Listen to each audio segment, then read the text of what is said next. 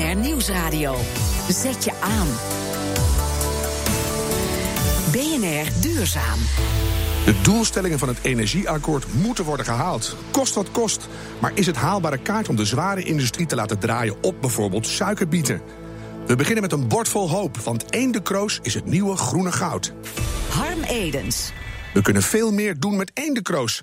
Als we ze waterlinzen noemen, kunnen ze zo in de sla. Food- en agri-startups van over de hele wereld reizen deze week af naar Wageningen op zoek naar investeerders. Waaronder ook Hans Derksen, eigenaar van ABC Kroos. Hans, waar staat ABC voor? Algemeen beschaafd Kroos met een C?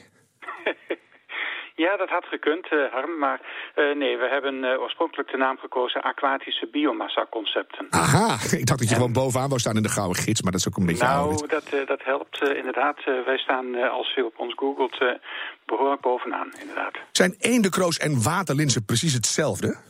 Ja. Uh, wij zijn uh, inderdaad begonnen met uh, het kijken naar eendekroos als grondstof voor groene eiwitten. Mm -hmm. En omdat eendekroos ook in, in de volksmond wel eens geassocieerd wordt met vieze sloten en zo, hebben wij eigenlijk toch gepoogd om het woord waterlinzen te herintroduceren. Ik vind het slim. En waar, waar smaakt ja. het precies naar als ik het op een bord heb? Het, uh, kroos smaakt uh, naar tuinkers. Uh, wij zijn eigenlijk vooral bezig om het uh, eiwit daaruit te benutten. En eendekroos is een van de grondstoffen waar wij mee werken. Maar inderdaad een grondstof wat op veel belangstelling mag rekenen. En daarom doe je eendekroos, want anders zou ik zeggen... ga gewoon tuinkers eten, maar daar zit geen eiwit in op die manier. Nee, de bedoeling is om het, het eiwit als zodanig eruit te halen... zodat het gebruikt kan worden in allerlei soorten voedingsmiddelen. Waar, waar wil je het allemaal in stoppen? goed in in allerlei producten. Uh, bijvoorbeeld uh, in uh, vleesvervangers, in sauzen, in soepen, in eiwitbars. eigenlijk alles waar een, een, hoog gehalte aan eiwit in nodig is ja. voor de volksgezondheid. Klinkt ontzettend mooi. Hoe ben je op het idee gekomen? Je was op een aangeschoten moment in de sloot gevallen en je dacht... hé, hey, dat is best lekker.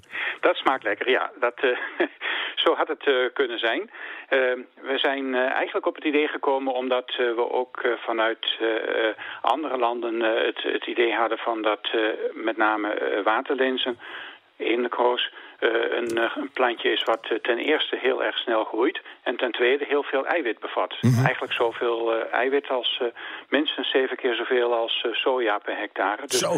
als, als grondstof leek dat gewoon heel erg aantrekkelijk. Ja, dat klinkt en daar ook echt hebben heel we goed. een technologie op ontwikkeld om het eiwit uit te halen. Gaan we het in de supermarkt zien als een los bakje eendekroos? Of uh, met hier en daar een kikkertje? Of is het Nee. uh, iets als, als echt grondstof voor producten? Wij uh, mikken vooral op het eiwit winnen als grondstof voor producten. Dus Ik- wij willen het, en zo willen wij dat ook woensdag in Wageningen neerzetten... Ja. eh, eh, gebruiken als een, eh, grondstof die voor eh, voedingsmiddelenfabrikanten interessant is... om andere, minder duurzame eiwitten mee te vervangen. Ik ga je heel veel succes wensen. Dank Hans Derksen van ABC Kroos. BNR Duurzaam. Het energieakkoord is drie jaar oud, maar de doelen die daarin staan halen we bij lange na nog niet. Tijd voor een flinke stok achter de deur, concludeert de Borgingscommissie. Hoe gaat dat eruit zien en hoe gaat het dan werken? Dat vraag ik aan Reinier Gerrits, hoofd energie en klimaat van de Nederlandse Vereniging van de Chemische Industrie, de VNCI. En Teun Bokhoven, voorzitter van de Nederlandse Vereniging Duurzame Energie, de NVDE. Beide ook ondertekenaars van dat energieakkoord.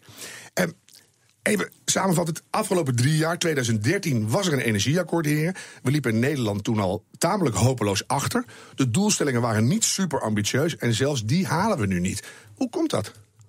Ik kijk jullie alle twee tegelijk aan. Nou, kijk, we, hoe het, komt, eh, er is, het is een enorme uitdaging. We komen van heel ver. En als je dan bedenkt dat we in tien jaar tijd verviervoudigen wat betreft duurzaam energieaandeel, en dat halen we wel, dan zie je toch wel dat er enorm veel gebeurt. Alleen met energiebesparing lopen we echt achter. Maar de- zelfs de hele pakket, daar hou je nu het mooie verhaal. Dat is ook goed, want je moet je ergens aan vasthouden. Maar ik kijk ook even naar Renier. Als we naar Europa keken, waren we het, het, zwaks en misselijke jongetje van de klas, toch? Nou, dat gaat dan met name over het aandeel duurzame energie. Uh, want op energiebesparing heeft uh, de zware industrie uh, in Nederland een hele goede track record. De chemie heeft de afgelopen jaren echt enorm veel bespaard. maar er is naar de komende tijd nog heel veel te doen. En als je kijkt naar onze sector, dat is echt werkelijk waar een fantastische sector. Omdat we naar de komende periode echt de sleutel zullen vormen voor een heleboel van de duurzaamheidsambities die we nu met elkaar hebben. Mhm. Ook in andere sectoren. En er gaan gewoon hele spannende zaken gebeuren. Maar kijk even naar het hele plaatje. Dan zou je toch moeten zeggen, w- tot nu toe halen we het gewoon niet. Nou, we halen, we halen een, uh, het duurzame energiedeel halen we. Dat is ook doorgerekend nu. Uh, en het energiebesparingdeel, daar lopen we achter. En dat klopt. En daar moet ook nu meer gas worden gegeven om te zorgen dat we die achterstand zo snel mogelijk inhalen. Over verschillende sectoren, gebouwde omgeving, maar ook in de industrie. Ja, nou is er een borgingscommissie onder leiding van niemand minder dan Ed Nijpels. En die wil nu dat als er in oktober nog geen vooruitgang geboekt is, dat er dan heffingen en of boetes moeten gaan komen. Denken jullie dat dat gaat werken? Nou ja, ik, uh, als je kijkt naar wat we uh, met elkaar hebben afgesproken, dan is het CER Energieakkoord voor groene groei. En dat laatste stukje, dat, is, dat bekt natuurlijk ook niet lekker, maar dat is uh, hetgeen wat telkens mist. En het gaat hier, uh, specifiek voor de industrie, uh, echt om aanvullende projecten. Dus naast wat wij als industrie zelf kunnen doen. Mm -hmm. Die dus uh, op de een of andere manier niet loskomen als de industrie daar zelf als enige achter staat.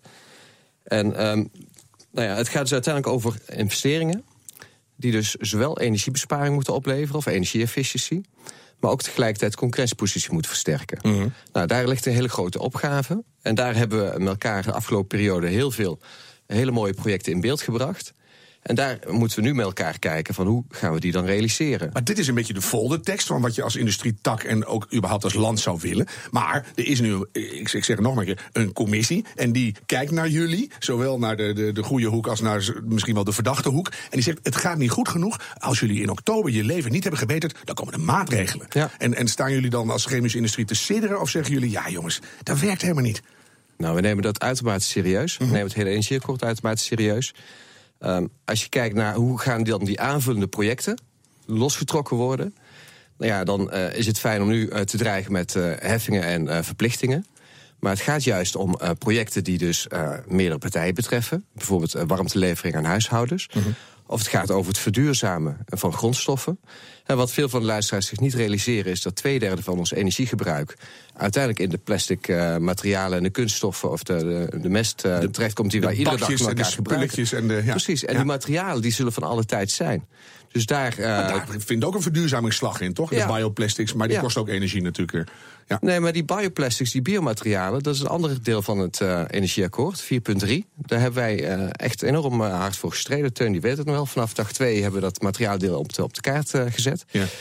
En uh, wij proberen dus ook dat soort projecten nu voor elkaar uh, te krijgen. Ik kijk ook even naar Teun. Wat denk jij? Verplichting werkt? Nou, ik denk dat het. Kijk, er is uh, op dit moment gewoon een achterstand. En we hebben met elkaar afgesproken in 2013 dat we gewoon de doelen gaan halen. En bij de, ook bij de industrie zit er nu gewoon een, een 9 petajoule van de 300, van de 100 die gedaan moeten worden. Ja. Is, is een achterstand. En er kan heel veel. Ik zie ook heel goede voorbeelden. De bedrijf in Gouda was ik recent, Croda, die, had, die produceert per dag 30.000 kubieke meter biogas. Dus het kan heel veel. Maar er moet een stapje bij. En ik denk als bedrijven niet uit zichzelf die stap maken, nogmaals, de goede nagelaten, dan zal er mogelijk op een andere manier moeten worden gekeken of je wel via een bonusmaal of anderszins toch die, uh, die activiteiten kan uh, verhogen. Maar over dat anderszins, daar gaat het nou net precies om als ik het woord verplichting hoor, krijg ik altijd een soort anti-Hollandse rilling. Ik denk van, daar zijn wij niet van. Maar eh, denk je dat dat gaat werken? Nou ja, als een commissie zegt, u moet nu dit, als krijgt u een boete? Nou ja, kijk, het heeft op andere terreinen ook geholpen. Uh, als je kijkt naar de nieuwbouw, die heeft een verplichting om energiebesparende maatregelen te treffen bij de nieuwbouw. En dat is een verplichting die al uh, vanaf de jaren negentig actief is. En dat werkt en dat gaat kosteneffectief en dat loopt eigenlijk helemaal prima. Dus ik denk dat je uiteindelijk ook voor uh, maatregelen die niet uit zichzelf goed gaan lopen, daar moet je dus de dingen overwegen. Natuurlijk beter om de bedrijven aan te sporen het wel te doen. Dus Zullen we dat nu even doen? Renier, namens alle chemische bedrijven, kunnen we jullie aansporen om dat zelf te doen? Is dat niet uh, je eer na dat je een, een stok achter de deur moet van een commissie? Nou, het is zeker onze eer te na om die dingen niet zelf te doen. Dat doen wij dus ook. En we hebben ook in Europees verband hebben we Spice 3 uh, opgezet. Dat, daar doen we dus ook uh, allerlei kennis en uh, mogelijkheden om energiebesparing te realiseren. En brengen we daar naar voren. We merken daar dat Nederland meer een van de brengers is dan een van de halers. Dus in dat kader ook telkens goed onderscheid te maken tussen de zaken die we zelf kunnen doen. En waar wij ook echt een serieus goede trekregels hebben. En de uitdaging nogmaals die hier op tafel ligt, is inderdaad die zaken die nog echt substantieel extra kunnen leveren om die bij elkaar los te trekken. En wij hebben daar absoluut de rol in te vervullen. Maar het zijn vaak pro pro projecten die dus niet zelf uh, die dus of een veel te lange terugverdientijd hebben, of die een hele lange, of die nog een groot technologisch risico kennen. Ja.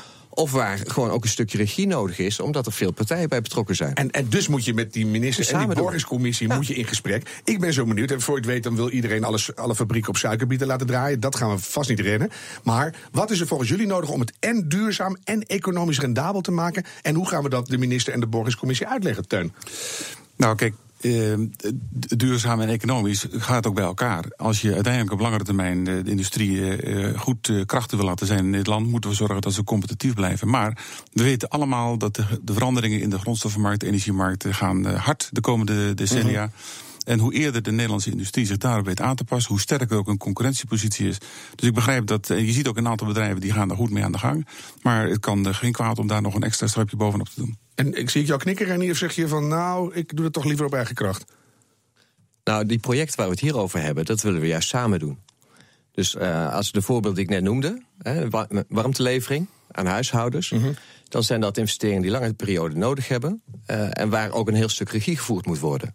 Dus wij hebben die warmte beschikbaar en anderen kunnen dat gebruiken. Dus er moet veel meer dialoog komen tussen alle ja. partijen. Ja, en er is nou dialoog. Nee, dus daar moet gewoon uh, een stukje geholpen worden om die partijen, uh, om daar afspraken met elkaar te maken van uh, wie levert wat tegen welke prijs.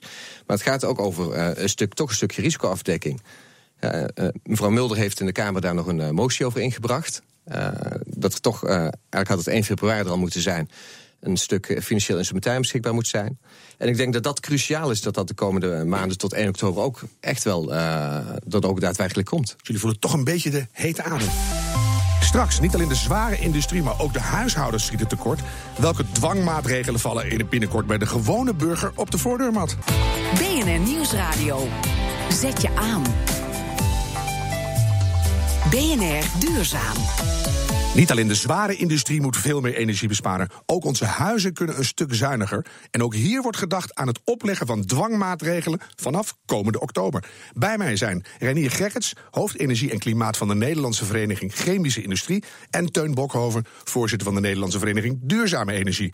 Teun, mag ik met jou beginnen? Mensen verleiden om energie te besparen. Dat gaat blijkbaar ook niet vanzelf. Bij bedrijven is het al behelpen. Terwijl het, is glashelder, je kan er geld mee besparen. Waarom gaat het zo moeizaam? Ja, dat is een goede vraag. Uh, ik wou dat ik het wist, want dan hadden we ook de oplossing. Mm -hmm. Maar blijkbaar werkt het niet zo en zijn de verleidingen en de goede argumenten niet voldoende om mensen tot energiebesparing uh, aan te zetten. Dat is ook de reden dat er nu wordt bedacht om uh, in het najaar te starten met een ofwel een witte certificatiesysteem, wat zoveel betekent als een leveranciersverplichting, of wat ons voorstel is om het eigenlijk onder te brengen in een soort tendersysteem waarin de energiebespaarde maatregelen met wat extra middelen en financiële ondersteuning door allerlei partijen aan de eindgebruiker kan worden aangeboden die daarmee echt energie gaan besparen. Is dat ook omdat, als ik er zelf aan denk, denk ik altijd: jongen, jongen, ik, ik heb de gordijnen net hangen. Daar gaan we weer. Het wordt weer boren en breken. Gedoe. En we zijn niet van het gedoe, dus dan denken we: we doen het volgend jaar wel. Nou, dat heeft ermee te maken. Dus je moet met elkaar kijken hoe kun je mensen op een hele creatieve manier wel verleiden. En uh, daar mag wat geld bij. En dat is ook precies de bedoeling zoals we dat willen insteken. Probeer nou allerlei partijen te activeren, met creatieve oplossingen te komen. om de consument en dat MKB-bedrijf mee te nemen in de energiebesparingsgedachte. Een soort vliegenwiel gaan we maken. En als het eenmaal als de buren het hebben, dat schijnt hè. Als je, je ja. tante of je overburen het al hebben, dan denk je: oh, dat wil ik ook. Ik kijk even naar Renier. Hoe duurzaam is jouw huis, Renier? Nou ja, mijn huis is uh, behoorlijk duurzaam voor een jaren 60 huis. Ik heb uh, Oei, al jaren. excuus komt alweer. Nee, ik heb daar jaren geleden heb ik uh, zonnepanelen laten leggen. Alles is nageïsoleerd tot met de bodem toe. Dus wat ik daar kan doen, dat, uh, dat uh, wordt ook gedaan. Nou, dat vind ik wel heel mooi. En bij jou, Teun? Nou, ik ben nul energie, dat kan je niet anders verwachten. Ja. Echt waar? Ja. Dat vind ik echt, meestal hè, dan hebben ze een verzekering waar ze zelf niet verzekerd zijn. Of nee. jij bent gewoon helemaal nul. Ja. vind ik mooi. En, en voel je dat ook als dat je elke dag dat je op je meter kijkt, denk je, ja, nul. Heerlijk. Ja, nou, dat is inderdaad uh, wel heel erg motiverend. Als je gewoon weet dat je eigenlijk, eigenlijk alleen maar je aansluitkosten betaalt op het energienet en verder niet. Ja. Af en toe worden er echt daadwerkelijk huizen geïsoleerd. Verslaggever Jigal Krant is gaan kijken bij een huis in Gouda dat echt, echt onder handen wordt genomen. Dat is een spouwmuurisolatie. Uh, dat is eigenlijk een van de meest renderende methoden van, uh, van isoleren. In twee à drie jaar uh, verdien je dat terug. Je kan geen bank tegenop tegen dat soort rendementen. Ja. Nu toont onderzoek aan dat mensen op zich ja, wel gecharmeerd zijn van het idee isolatie. Maar als puntje bij paaltje komt, ja, dan laten ze het toch niet doen. Waarom dan niet, als het ook nog gewoon geld oplevert? Nou, heel vaak is het zo dat mensen zitten te wachten op een subsidieregeling. Een uh, beetje onzinnig is dat natuurlijk wel, gezien de lage investeringskosten al van zo'n maatregel. Echter, er zijn zoveel subsidies gegeven in het verleden. En dat zie je dus nu ook weer, dat er een enorme subsidiepot is voor energiebesparing. Zij het niet dat dat niet in de isolatie gaat, maar in uh, pelletkachels, zonneboilers en dat soort dingen. En ja, dan heb je zelfs dat de ministers in Den Haag het niet eens weten. Die denken dat er subsidie gegeven wordt, isolatie. En dan, dan, ja, dan blijkt dat niet zo te zijn. Dan wachten mensen tot het moment komt dat er wel weer een subsidie gegeven wordt. Hier eh, staat eh, een van uw medewerkers op een ladder. Kom er even bij, dat kan die ladder wel aan, toch? Ja hoor. Wat bent u aan het doen? Ik ben de muur aan het eh, isoleren, de spouw. Die gaatjes die uw collega heeft geboord, die bent u aan het volstoppen. Dat klopt. Hoi. De bewoonster komt nu naar buiten. U heeft in tegenstelling tot veel andere mensen ertoe besloten om uw woning eh, goed te isoleren. Waarom? Ja, wij wilden meer comfort in de woning. En dat betekent dus dat je de kou in de winter buiten houdt. En eventueel ook warmte in de zomer. Dat het toch wat koeler daardoor blijft in de warme zomermaanden. Omdat het een, eh, ja, een warme muur is, zo gezegd. De zon staat daar de hele dag op in de, in de zomermaanden. En u hoopt uiteindelijk daar geld mee te besparen. Ja, dat is dan een mooie bijkomstigheid. Speelt milieu ook nog een rol? Eigenlijk niet. Leuke bijkomstigheid. Ja. Bekostigt u het helemaal zelf? Of is er ook een subsidie waar u eh, aanspraak op kunt maken? Wij bekostigen dit helemaal zelf. Vanuit de gemeente was het een informatieavond. En zo zijn we bij eh, dit bedrijf terechtgekomen. Maar we bekostigen het gewoon zelf. En dat zouden meer mensen moeten doen. Ja, is het niet voor de centen, is het niet voor comfort... dan voor, wellicht voor het milieu. Want we moeten uiteindelijk toch minder energie gaan uh, verbruiken. Maar het totale plaatje is uh, wat dat betreft, gezien de kosten ook, ideaal lijkt mij. Ja, twee dingen vallen meteen op. We doen het niet voor het milieu en wel voor het geld. En, en als je dat samenvat, als er subsidie is, dan, dan doen we het. Dat vind ik opvallend, Reneer. Ja, nou ja, er wordt in de, in de, in de eindconsumentenhoek uh, enorm veel subsidie uh, verstrekt. Ook richting, uh, duur, met name richting duurzame energie. Ja. Als je kijkt naar de industrie, dan komt energieefficiëntie komt eigenlijk telkens samen met het eerst in, investeren in innovatie. Maar dan nog veel belangrijker uiteindelijk ook het implementeren van die maatregelen. En daar hebben we het niet over subsidie die we daar vragen vanuit de industrie en de overheid. Maar daar is dus wel voor die nieuwe technologische toepassingen. Als we dat met elkaar uh, in de universiteit bedacht hebben, dan zou het toch echt die van eigen portemonnee zijn. Als we niet vervolgens ook zorgen dat die implementatie, dat realiseren de investering hier dan uh, gedaan wordt. Ja, nou kijk je naar de lage energieprijzen, Teun. Gooit weer lekker roet in het eten of geeft ook wat mogelijkheden? Nou, de lage energieprijzen helpen natuurlijk niet. Dat is wel helder voor het economische argument. Ehm, daarom hebben we ook, denk ik, nu additionele maatregelen nodig om mensen wat meer te overtuigen. Om het ook financieel weer aantrekkelijker te maken. Uh, en het is zo dat mensen wel vaak schakelen op uh, subsidies. Dat, uh, dan zie je toch dat de motivatie toeneemt. En um, ja, daarmee verwachten we wel dat daar die beweging gaat komen. Want er moet gewoon fors worden ingehaald. Want die energieprijzen uiteindelijk gaan ook weer omhoog. Ja, er, er moet wat gebeuren. En, en wij dachten van, zou dat nou helpen de, dat je dat uh, verplicht moet gaan doen? Dat hebben we even gevraagd aan ons isolatiemannetje in Gouda. Als je het gaat verplichten, dan loop je ook het risico dat bedrijven echt het minimale van het minimale gaan doen. Gewoon absoluut aan de ondergrens gaan zitten. Terwijl als je goed gaat communiceren, dan zie je dat bedrijven zelf ook gaan rekenen... en dat ze al snel gaan kiezen voor beter, extra, omdat het rendeert. Een verplichting is eigenlijk altijd ja, omdat het moet. Dus doe het maar zo goedkoop mogelijk en zo simpel mogelijk... dat we er allemaal net aan voldoen. U denkt als specialist in isolatie uiteindelijk meer te kunnen verdienen... wanneer er goed wordt geïnformeerd dan wanneer het wordt verplicht gesteld. Absoluut. En daar valt niet alleen meer te verdienen voor de bedrijven... maar ook voor het milieu, eigenlijk voor iedereen. Ja, dat is een glashelder antwoord. Van bovenaf duwen helpt niet, Teun. Jullie hebben alle twee het uh, energieakkoord getekend. Dus jullie geloven daar ook in, denk ik. Wanneer is het volgens jullie toch nog geslaagd, Renier? Nou, ik denk dat er al een heleboel succes behaald is. En ik denk dat als we de additionele projecten die we nu in beeld hebben gebracht... als we daar echt met elkaar de schouders zullen kunnen zetten... dus ook die eh, los weten te trekken, nou, dat is een enorm groot succes. Laat ik het anders vragen. Ga je het halen in oktober zonder maatregelen van een commissie? Ga je het zelf doen? We, moeten het dus samen met, uh, met de overheid doen. We hebben de projecten in beeld gebracht. En uh, wij gaan nu die gesprekken opnieuw aan. Teun, wanneer is het geslaagd? Het is geslaagd als alle doelen worden gehaald. Mm -hmm. en dus zoals het er nu naar uitziet, uh, lijkt dat erin te zitten. Maar dat betekent wel dat we voor een aantal segmenten ook uh, aan het eind van de rit toch wat verplichtende maatregelen moeten doen. We hebben nog vier jaar, hè? Ja, de maar klok dat, die tikt. Maar vier jaar is ook wel een periode dat er nog heel veel kan gebeuren. En er is heel veel in werking gezet. Laten we vooral ook kijken naar het halfvolle glas. Ja. En met hetgene wat er nu aan het pakket in oktober wordt voorgesteld... Uh, lijken de doelen goed te halen. En daar moeten we ons vooral op inzetten. We gaan het uh, nauwgezet volgen tot en met oktober. Dank jullie wel, Reinier Gerrits, hoofd Energie en Klimaat... van de Nederlandse Vereniging Chemische Industrie... en Teun Bokhoven, voorzitter van de Nederlandse Vereniging Duurzame Energie. De minuut van de waarheid. Deze week een uitspraak uit een Amerikaans onderzoek over gekapte regenwouden. Maar klopt die uitspraak ook? Karin Baks zocht het uit. Op verlaten boerenland in Zuid-Amerika, waar gekapt is, groeit vaak weer nieuw bos aan. En dit jonge regenwoud neemt veel meer CO2 op dan altijd werd gedacht. Zo blijkt uit een Amerikaanse studie deze week. De stelling is dat jonge regenwouden in Zuid-Amerika in 20 jaar tijd de CO2-uitstoot in de regio kunnen compenseren. Oftewel. Hergroeiend bos, waarvan er veel is, in, in dit geval vooral uh, Brazilië. Als je daar dus je beleid op richt om dat zijn gang te laten gaan, dan heeft dat een groot potentieel. Zo legt onze factchecker van deze week Bart Strengers uit. Hij is klimaatonderzoeker van het Planbureau voor de Leefomgeving. Hij zet alleen nog wel wat kanttekeningen rond deze bewering. Zo moet al het bos wel 40 jaar lang op deze manier blijven staan. Er zijn ook heel veel mensen die aanspraak maken op het land. Je hebt uh, verstedelijking. Je hebt, ja, land heb je ook nodig voor, voor voedsel. Voor, ik bedoel, in die 40 jaar kan natuurlijk ontzettend veel gebeuren. Waardoor dat feitelijk niet plaatsvindt. Ook is het volgens hem lastig te bepalen wat nu precies hergroeiend bos is. Satellieten gedaan, vaak. En dan wordt gekeken van ja, waar, waar ligt dat dan ongeveer? Maar dat kunnen ook best gebieden zijn waar toch ook landbouw plaatsvindt, maar waar ook nog allerlei bomen staan. Hè. Soms is het niet goed vast te stellen wat nou precies dat hergroeiend bos is en wat gewoon bos is wat degelijk in gebruik is ook voor, voor andere dingen. En daardoor kun je wel tot een heel optimistisch resultaat komen. Ik denk dat de oppervlakte die zij daaraan toekennen, 2,4 miljoen vierkante kilometer, best wel groot is. Ook zet hij vraagtekens bij de curves die gebruikt zijn voor de groei van het bos. Nou ja, vrij optimistisch, tenminste hoog, laat ik het zo zeggen. Ik weet niet, niet zozeer of het nou optimistisch moet noemen. In ieder geval zijn ze hoog. Als ik kijk naar de curves die wij gebruiken in onze modellen, dan zijn die beduidend lager. Oké, okay, ze zitten aan de hoge kant. Maar dat kan toch ook betekenen dat wij misschien te pessimistisch zijn? In die zin kan het best wel goed nieuws zijn van hey, blijkbaar is Jongbos in staat om meer CO2 op te nemen dan wij denken of dan, dan uh, in de modellen gebruikt wordt. Het triggert in ieder geval tot nader onderzoek bij de Nederlandse collega's. Maar tot die tijd beoordelen ze deze stelling, al zij het heel voorzichtig, als. Helemaal waar.